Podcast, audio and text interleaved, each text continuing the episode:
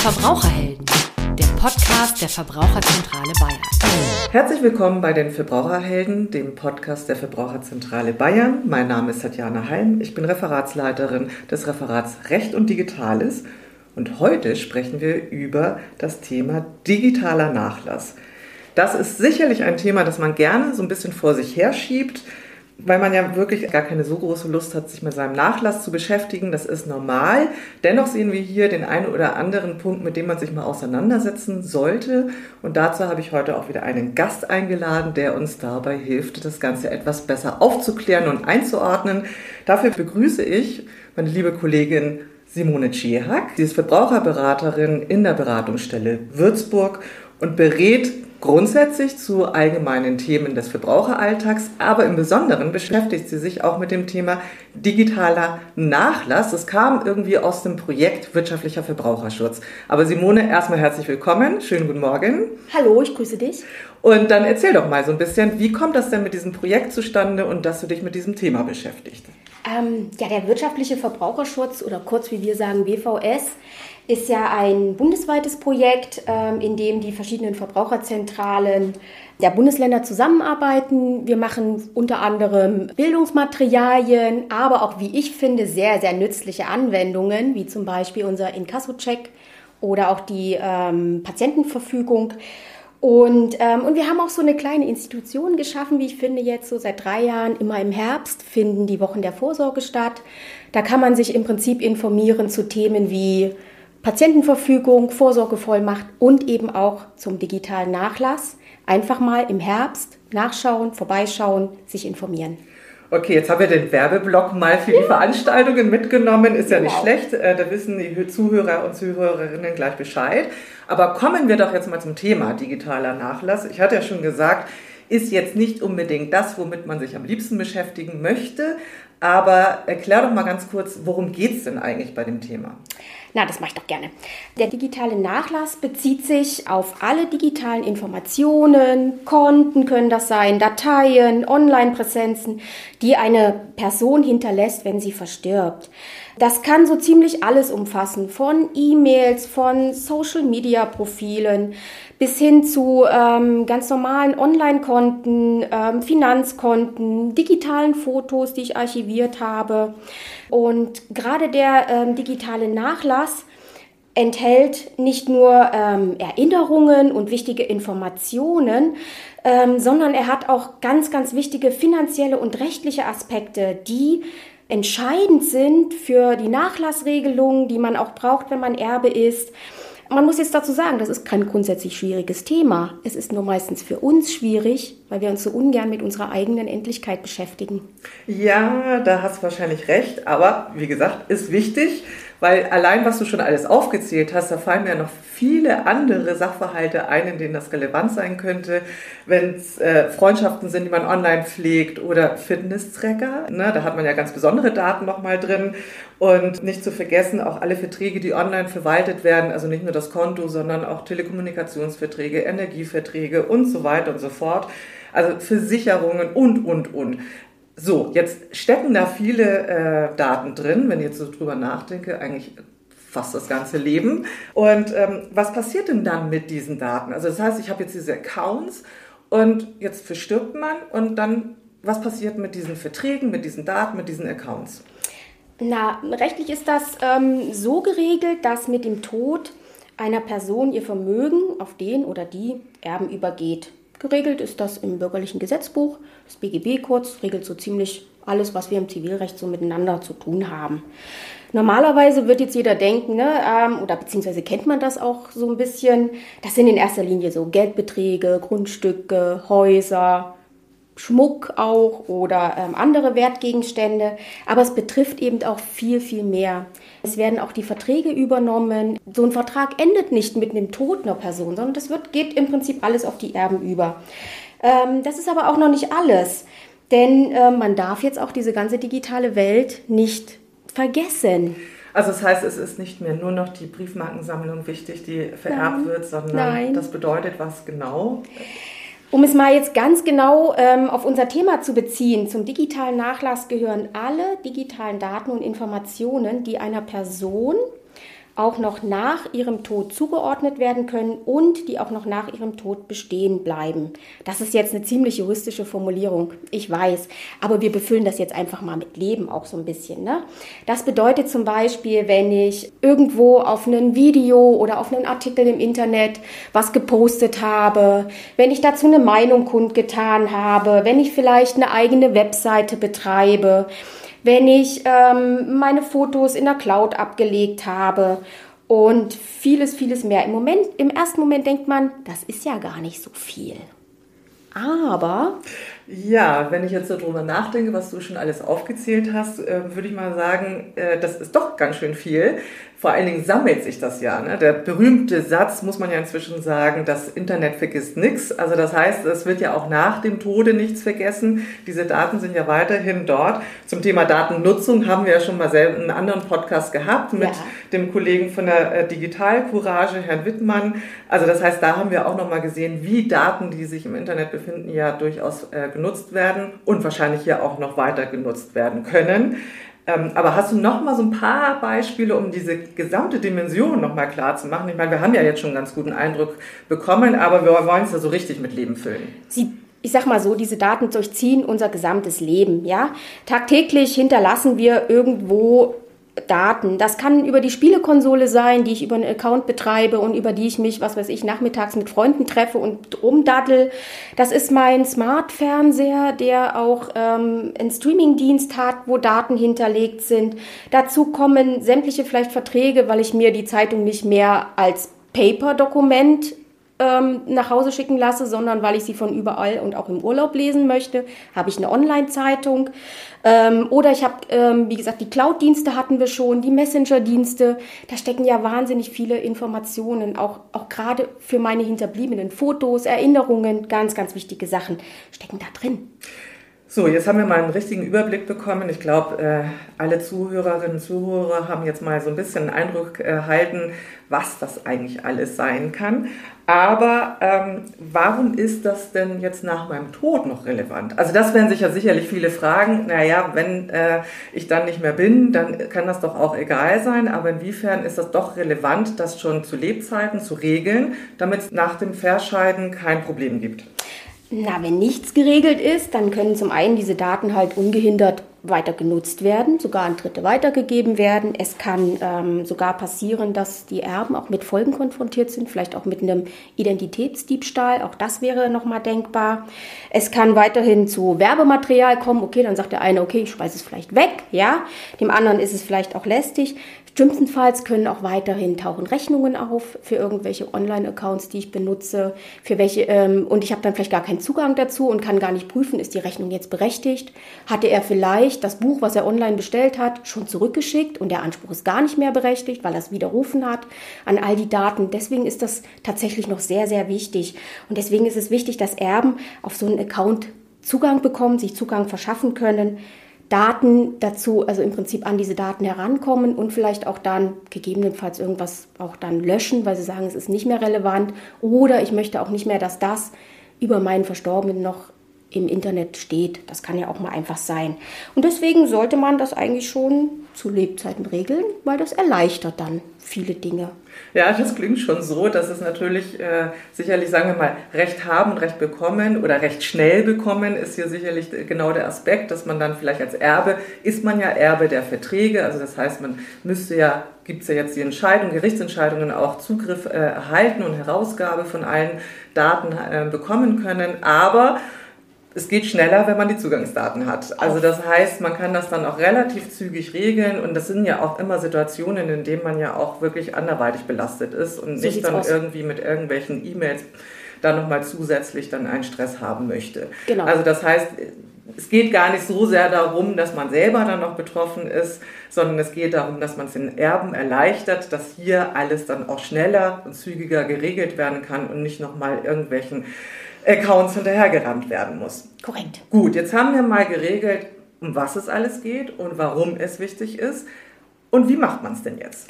Naja, Ganz einfach, am besten erstmal macht sich einen Überblick über seine ganzen Online-Aktionen, Aktivitäten, wo habe ich überall einen Account, wo habe ich eine Registrierung, wo bin ich vielleicht online nur angemeldet, vielleicht auch nur mit meiner Hardware, weil ich die registrieren musste.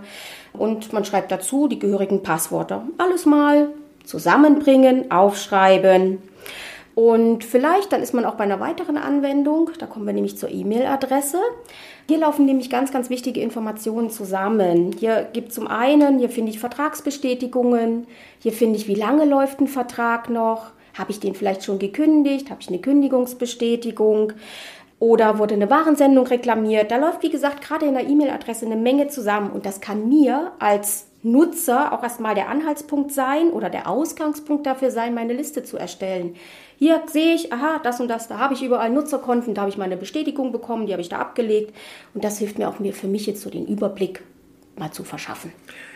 Ja, das klingt erstmal schon ein bisschen nach Arbeit, deswegen kann ich auch verstehen, wenn man sich denkt, ja, so äh, richtig, drückt. Ja, so Ja. richtig Spaß macht das nicht. Nee. Ähm, aber da kann man ja vielleicht mal einen schönen regnerischen Sonntag mal nutzen und sich mal hinzusetzen und zumindest mal damit anzufangen. Und ich glaube, wenn Genau. man sich den ersten Überblick verschafft hat, dann kann man auch leichter dann halt weitere Accounts ergänzen. Und ähm, jetzt habe ich aber diese Liste. Genau. Was passiert denn dann? Wenn du deine Liste hast erstmal, dann kannst du dir dann jetzt oder solltest du dir dann überlegen, was mit diesen Accounts passieren soll. Sollen die vielleicht gelöscht werden? Sind da noch Daten hinterlegt? Muss da was gekündigt werden? Vielleicht kann man dann auch schon ein bisschen ähm, unterscheiden zwischen Accounts, wo regelmäßig Rechnungen anfallen, wie zum Beispiel im Telefondienst, in der Versicherung. Oder auch solchen Accounts, wo das vielleicht eher unregelmäßig der Fall ist, Versandapotheke, ähm, und ähm, sich da sozusagen dann auch wirklich dann zu, wirklich sich jeden einzelnen Account vorzunehmen und zu sagen, das soll sozusagen nach meinem Tod damit passieren. Der muss noch weitergeführt werden. Ich kann vielleicht auch schon Laufzeiten hinter, dahinter nochmal registrieren. Wie lange lief der Vertrag? Das ist dann ganz, ganz entscheidend und vielleicht auch eine sehr große Hilfe für Angehörige. Kann ja zu Lebzeiten auch für einen selber eine große Hilfe sein. Davon mal Korrekt. abgesehen, dass man da wirklich mal einen Überblick darüber hat, wie sieht denn mein digitales Leben aus. genau. Aber äh, kommen wir erstmal zwischendurch nochmal zu einer anderen Frage. Und zwar gibt es ja auch durchaus äh, Anbieter oder Anwendungen, die ja schon selber gewisse Regelungsmöglichkeiten zur Verfügung stellen. Also dass man da ja auch mal regeln kann, was passiert denn mit meinem Account im äh, Falle, dass ich versterbe. Ja, angefangen hat das bei den Social Media Accounts, dass man dort tatsächlich so eine Art Gedenkstatus schon hinterlegen konnte und das dann sozusagen schon vorher fertig machen konnte und konnte sagen, wenn ich mal nicht mehr bin, dann geht das in den Gedenkstatus über. Ich finde, das hat auch was Gutes. Das ist wie so eine Art modernes Kondolenzbuch.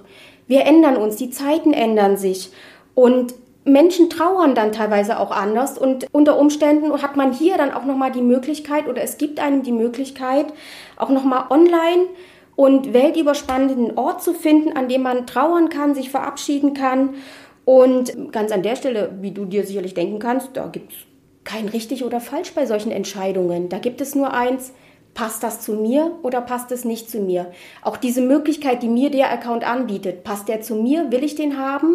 Und wenn er nicht zu mir passt, dann regle ich das nicht, dann regle ich das anderweitig, dann regle ich das eben in meiner Liste. Aber es ist ja gut zu wissen, dass das überhaupt geht. Und Ja. dann kann man sich ja Gedanken drüber machen, wie Genau. man das gerne möchte. Das ist ja jetzt das eine mit, der, mit dem Kondolenzbuch, aber Mhm. es gibt ja auch sozusagen auch weitergehende Möglichkeiten, nicht wahr?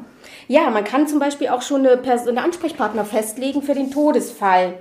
Und da sind wir schon eigentlich bei der nächsten, bei dem nächsten Punkt auf unserer Liste, dass wir uns im Prinzip auch überlegen, wenn ich zum Beispiel das in dem Account nicht festlegen kann, dass ich es dann auf meiner Liste festlege, wenn ich das denn gerne möchte. Möchte ich, dass sich eine bestimmte Person darum kümmert? Entweder, vielleicht weil sie zu mir ein ganz besonderes persönliches Verhältnis hat, weil sie vielleicht zu dem Thema oder zu diesem Account, der da verwaltet werden oder im Prinzip, wo der Nachlass geregelt werden soll, eine bestimmte Affinität hat oder sich besonders damit auskennt oder auch mit dem Thema auskennt. Dann kann man das in dieser Liste zum Beispiel festlegen. Oder, wenn es dem Account möglich ist, dann im Account. Hat man zum Beispiel nur einen Erben und der ist auch dafür auch noch voll prädestiniert und man vertraut dem und das passt alles, dann müsste man sowas natürlich nicht festlegen. Die Liste bräuchte derjenige aber trotzdem, denn das vereinfacht ihm einfach Zugang zu bekommen, sich auch wirklich darum zu kümmern. Und wenn ich tatsächlich eine Person habe, hat das auch den Vorteil, dass ich mit, der, mit dieser Person vorher darüber sprechen kann. Ich kann ihr meine Wünsche äußern, sie weiß Bescheid. Ich merke dann auch, würde sie das übernehmen. Denn man mag ja auch ungern jemanden sowas aufzwingen. Also ich fasse mal zusammen. Man sucht sich mal einen schönen Regentag, setzt schönen sich hin und macht sich vielleicht auch was Schönes zu trinken, ein paar Knabbereien, damit es nicht ganz so langweilig wird und äh, erforscht mal sein Leben letztendlich äh, und sucht mal, was habe ich alles für genau. Accounts, macht sich eine Liste, überlegt sich bei jedem Account, wie möchte ich, dass nach meinem Tode damit umgegangen wird und wem möchte ich auferlegen, dass derjenige sich darum, äh, da, äh, damit, äh, darum kümmert. Also das heißt, es muss jetzt nicht nur unbedingt der Erbe sein, sondern es kann auch jemand ganz anderer sein, dass man sagt, ich möchte eigentlich gar nicht, dass jetzt meine Frau, meine Mutter, mein wer auch immer sich darum kümmert, sondern ich möchte einfach, dass das jemand macht, der mhm. vielleicht auch etwas distanzierter mit der Sache rumgeht und es äh, ganz sachlich dann halt ähm, dann abwickelt. Dann schreibt man das alles auf. Man kann auch für unterschiedliche Accounts unterschiedliche Ansprechpartner benennen und man kann auch vorher schauen, ob dann in dem Account selber dann das Ganze überhaupt schon angeboten wird, dass man es dann halt schon online regelt. Dann hat man diese Liste fertig und was mache ich dann mit dieser Liste, wenn sie fertig ist? Naja, so eine Liste ist ja nie komplett fertig. Ja, das ist ja, liegt ja schon in der Natur der Sache. Immer mal wieder auch drauf gucken. Wenn ich natürlich einen neuen Account anlege, muss ich die Liste ergänzen. Das ist völlig klar. Natürlich, ähm, jetzt denkt sich vielleicht auch jemand manchmal so, hm, ich weiß vielleicht auch gar nicht, wie so eine Liste aussieht. Da haben wir natürlich Hilfe. Ne? Also man findet auch auf unserer Internetseite unter www.verbraucherzentrale-bayern.de unter dem Stichwort digitaler Nachlass, Musterliste, findet man, wie sowas zum Beispiel aussehen kann, dass man sich das als Hilfe vielleicht einfach auch mal nimmt. Natürlich bleibt dann noch, auch noch eine letzte Frage. Ja, die berühmte Frage nach, das sind ja geheime Passwörter, kann man da einfach so eine Liste dann halt eventuell noch aufstellen oder was, wo legt man die hin, damit genau. sie sicher bleibt? Wohin damit? Du, du hast es genau wieder auf den Punkt gebracht. Natürlich werden die wenigsten von uns so ein, äh, werden ein Bankschließfach haben oder ein Tresor zu Hause. Das braucht man aber auch gar nicht. Das ist wirklich zu viel verlangt. Ein sicherer Platz im Haus genügt, dort lege ich das ab. Dort lege ich meine Liste ab. Manch einem ist es vielleicht auch noch lieber, dass man einen Passwort, passwortverschlüsselten Stick hat, wo man das drauf sitzt. Dann muss man allerdings auch bedenken, das Passwort zu diesem Stick muss irgendwie zu meinen Angehörigen kommen. Ich kann das natürlich dann auch mit im Testament hinterlegen oder im Prinzip dann auch dort wieder an einem sicheren Ort auch das zusammen hinterlegen. Das ist alles möglich und das genügt auch. Oder man kann es dem Nachlassverwalter in Anführungsstrichen, also denjenigen, den man benennt, dann mitgeben. Genau. Also das heißt, wichtig ist natürlich dann auch an die Daten zu kommen, wenn man es dann geregelt hat.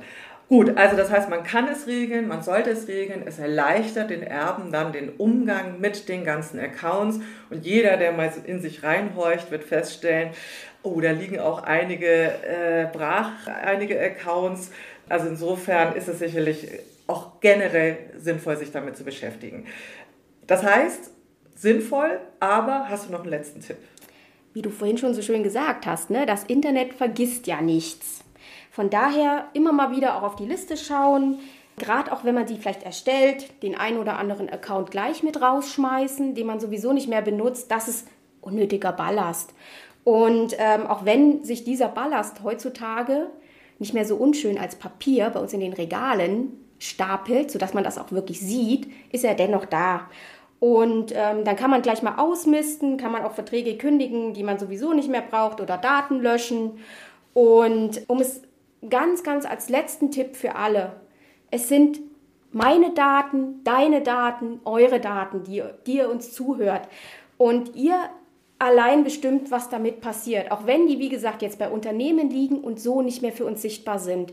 Aber wir bestimmen das was damit passiert. Und ich sage jetzt mal so, ähm, ich denke, meine Angehörigen wären mir sehr dankbar, wenn ich das vorher zusammenschreibe, wenn ich ihnen sage, ähm, wo sie was finden, was sie damit machen sollen. Denn das sind immer ganz, ganz wichtige Anhaltspunkte. Klar könnte ich auch sagen, und nach mir die Sinnflut. Ne? Aber ich werde es definitiv anders machen, denn ähm, ich finde es immer ganz wichtig, dass man diese Regelungen selbst in der Hand hat, dass man selbst bestimmt. Mir persönlich ist das lieber, Entscheiden muss es aber jeder selbst. Ja, das ist richtig. Ähm, ich glaube auch, dass es meine Angehörigen auch lieber wäre. Mir persönlich wäre es umgekehrt auch lieber, muss ich ehrlich gestehen. Das ist sicher keine Überraschung.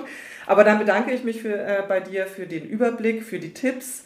Und äh, natürlich haben wir ja auf unserer Homepage auch noch mal ein paar weitere Tipps und vor allen Dingen diese Liste, wenn man jetzt sagt, oh, wie fange ich damit an, das ist sicherlich ein ganz guter Ausgangspunkt. Dann herzlichen Dank. Ich würde sagen, auch bis zum nächsten Mal. Gerne. Und ähm, an alle da draußen, vielen Dank fürs Zuhören und immer erstmal durchatmen und informieren bei uns auf der Webseite www.verbraucherzentrale-bayern.de oder auch auf Instagram. Und ansonsten wünsche ich einen schönen Tag und bis bald.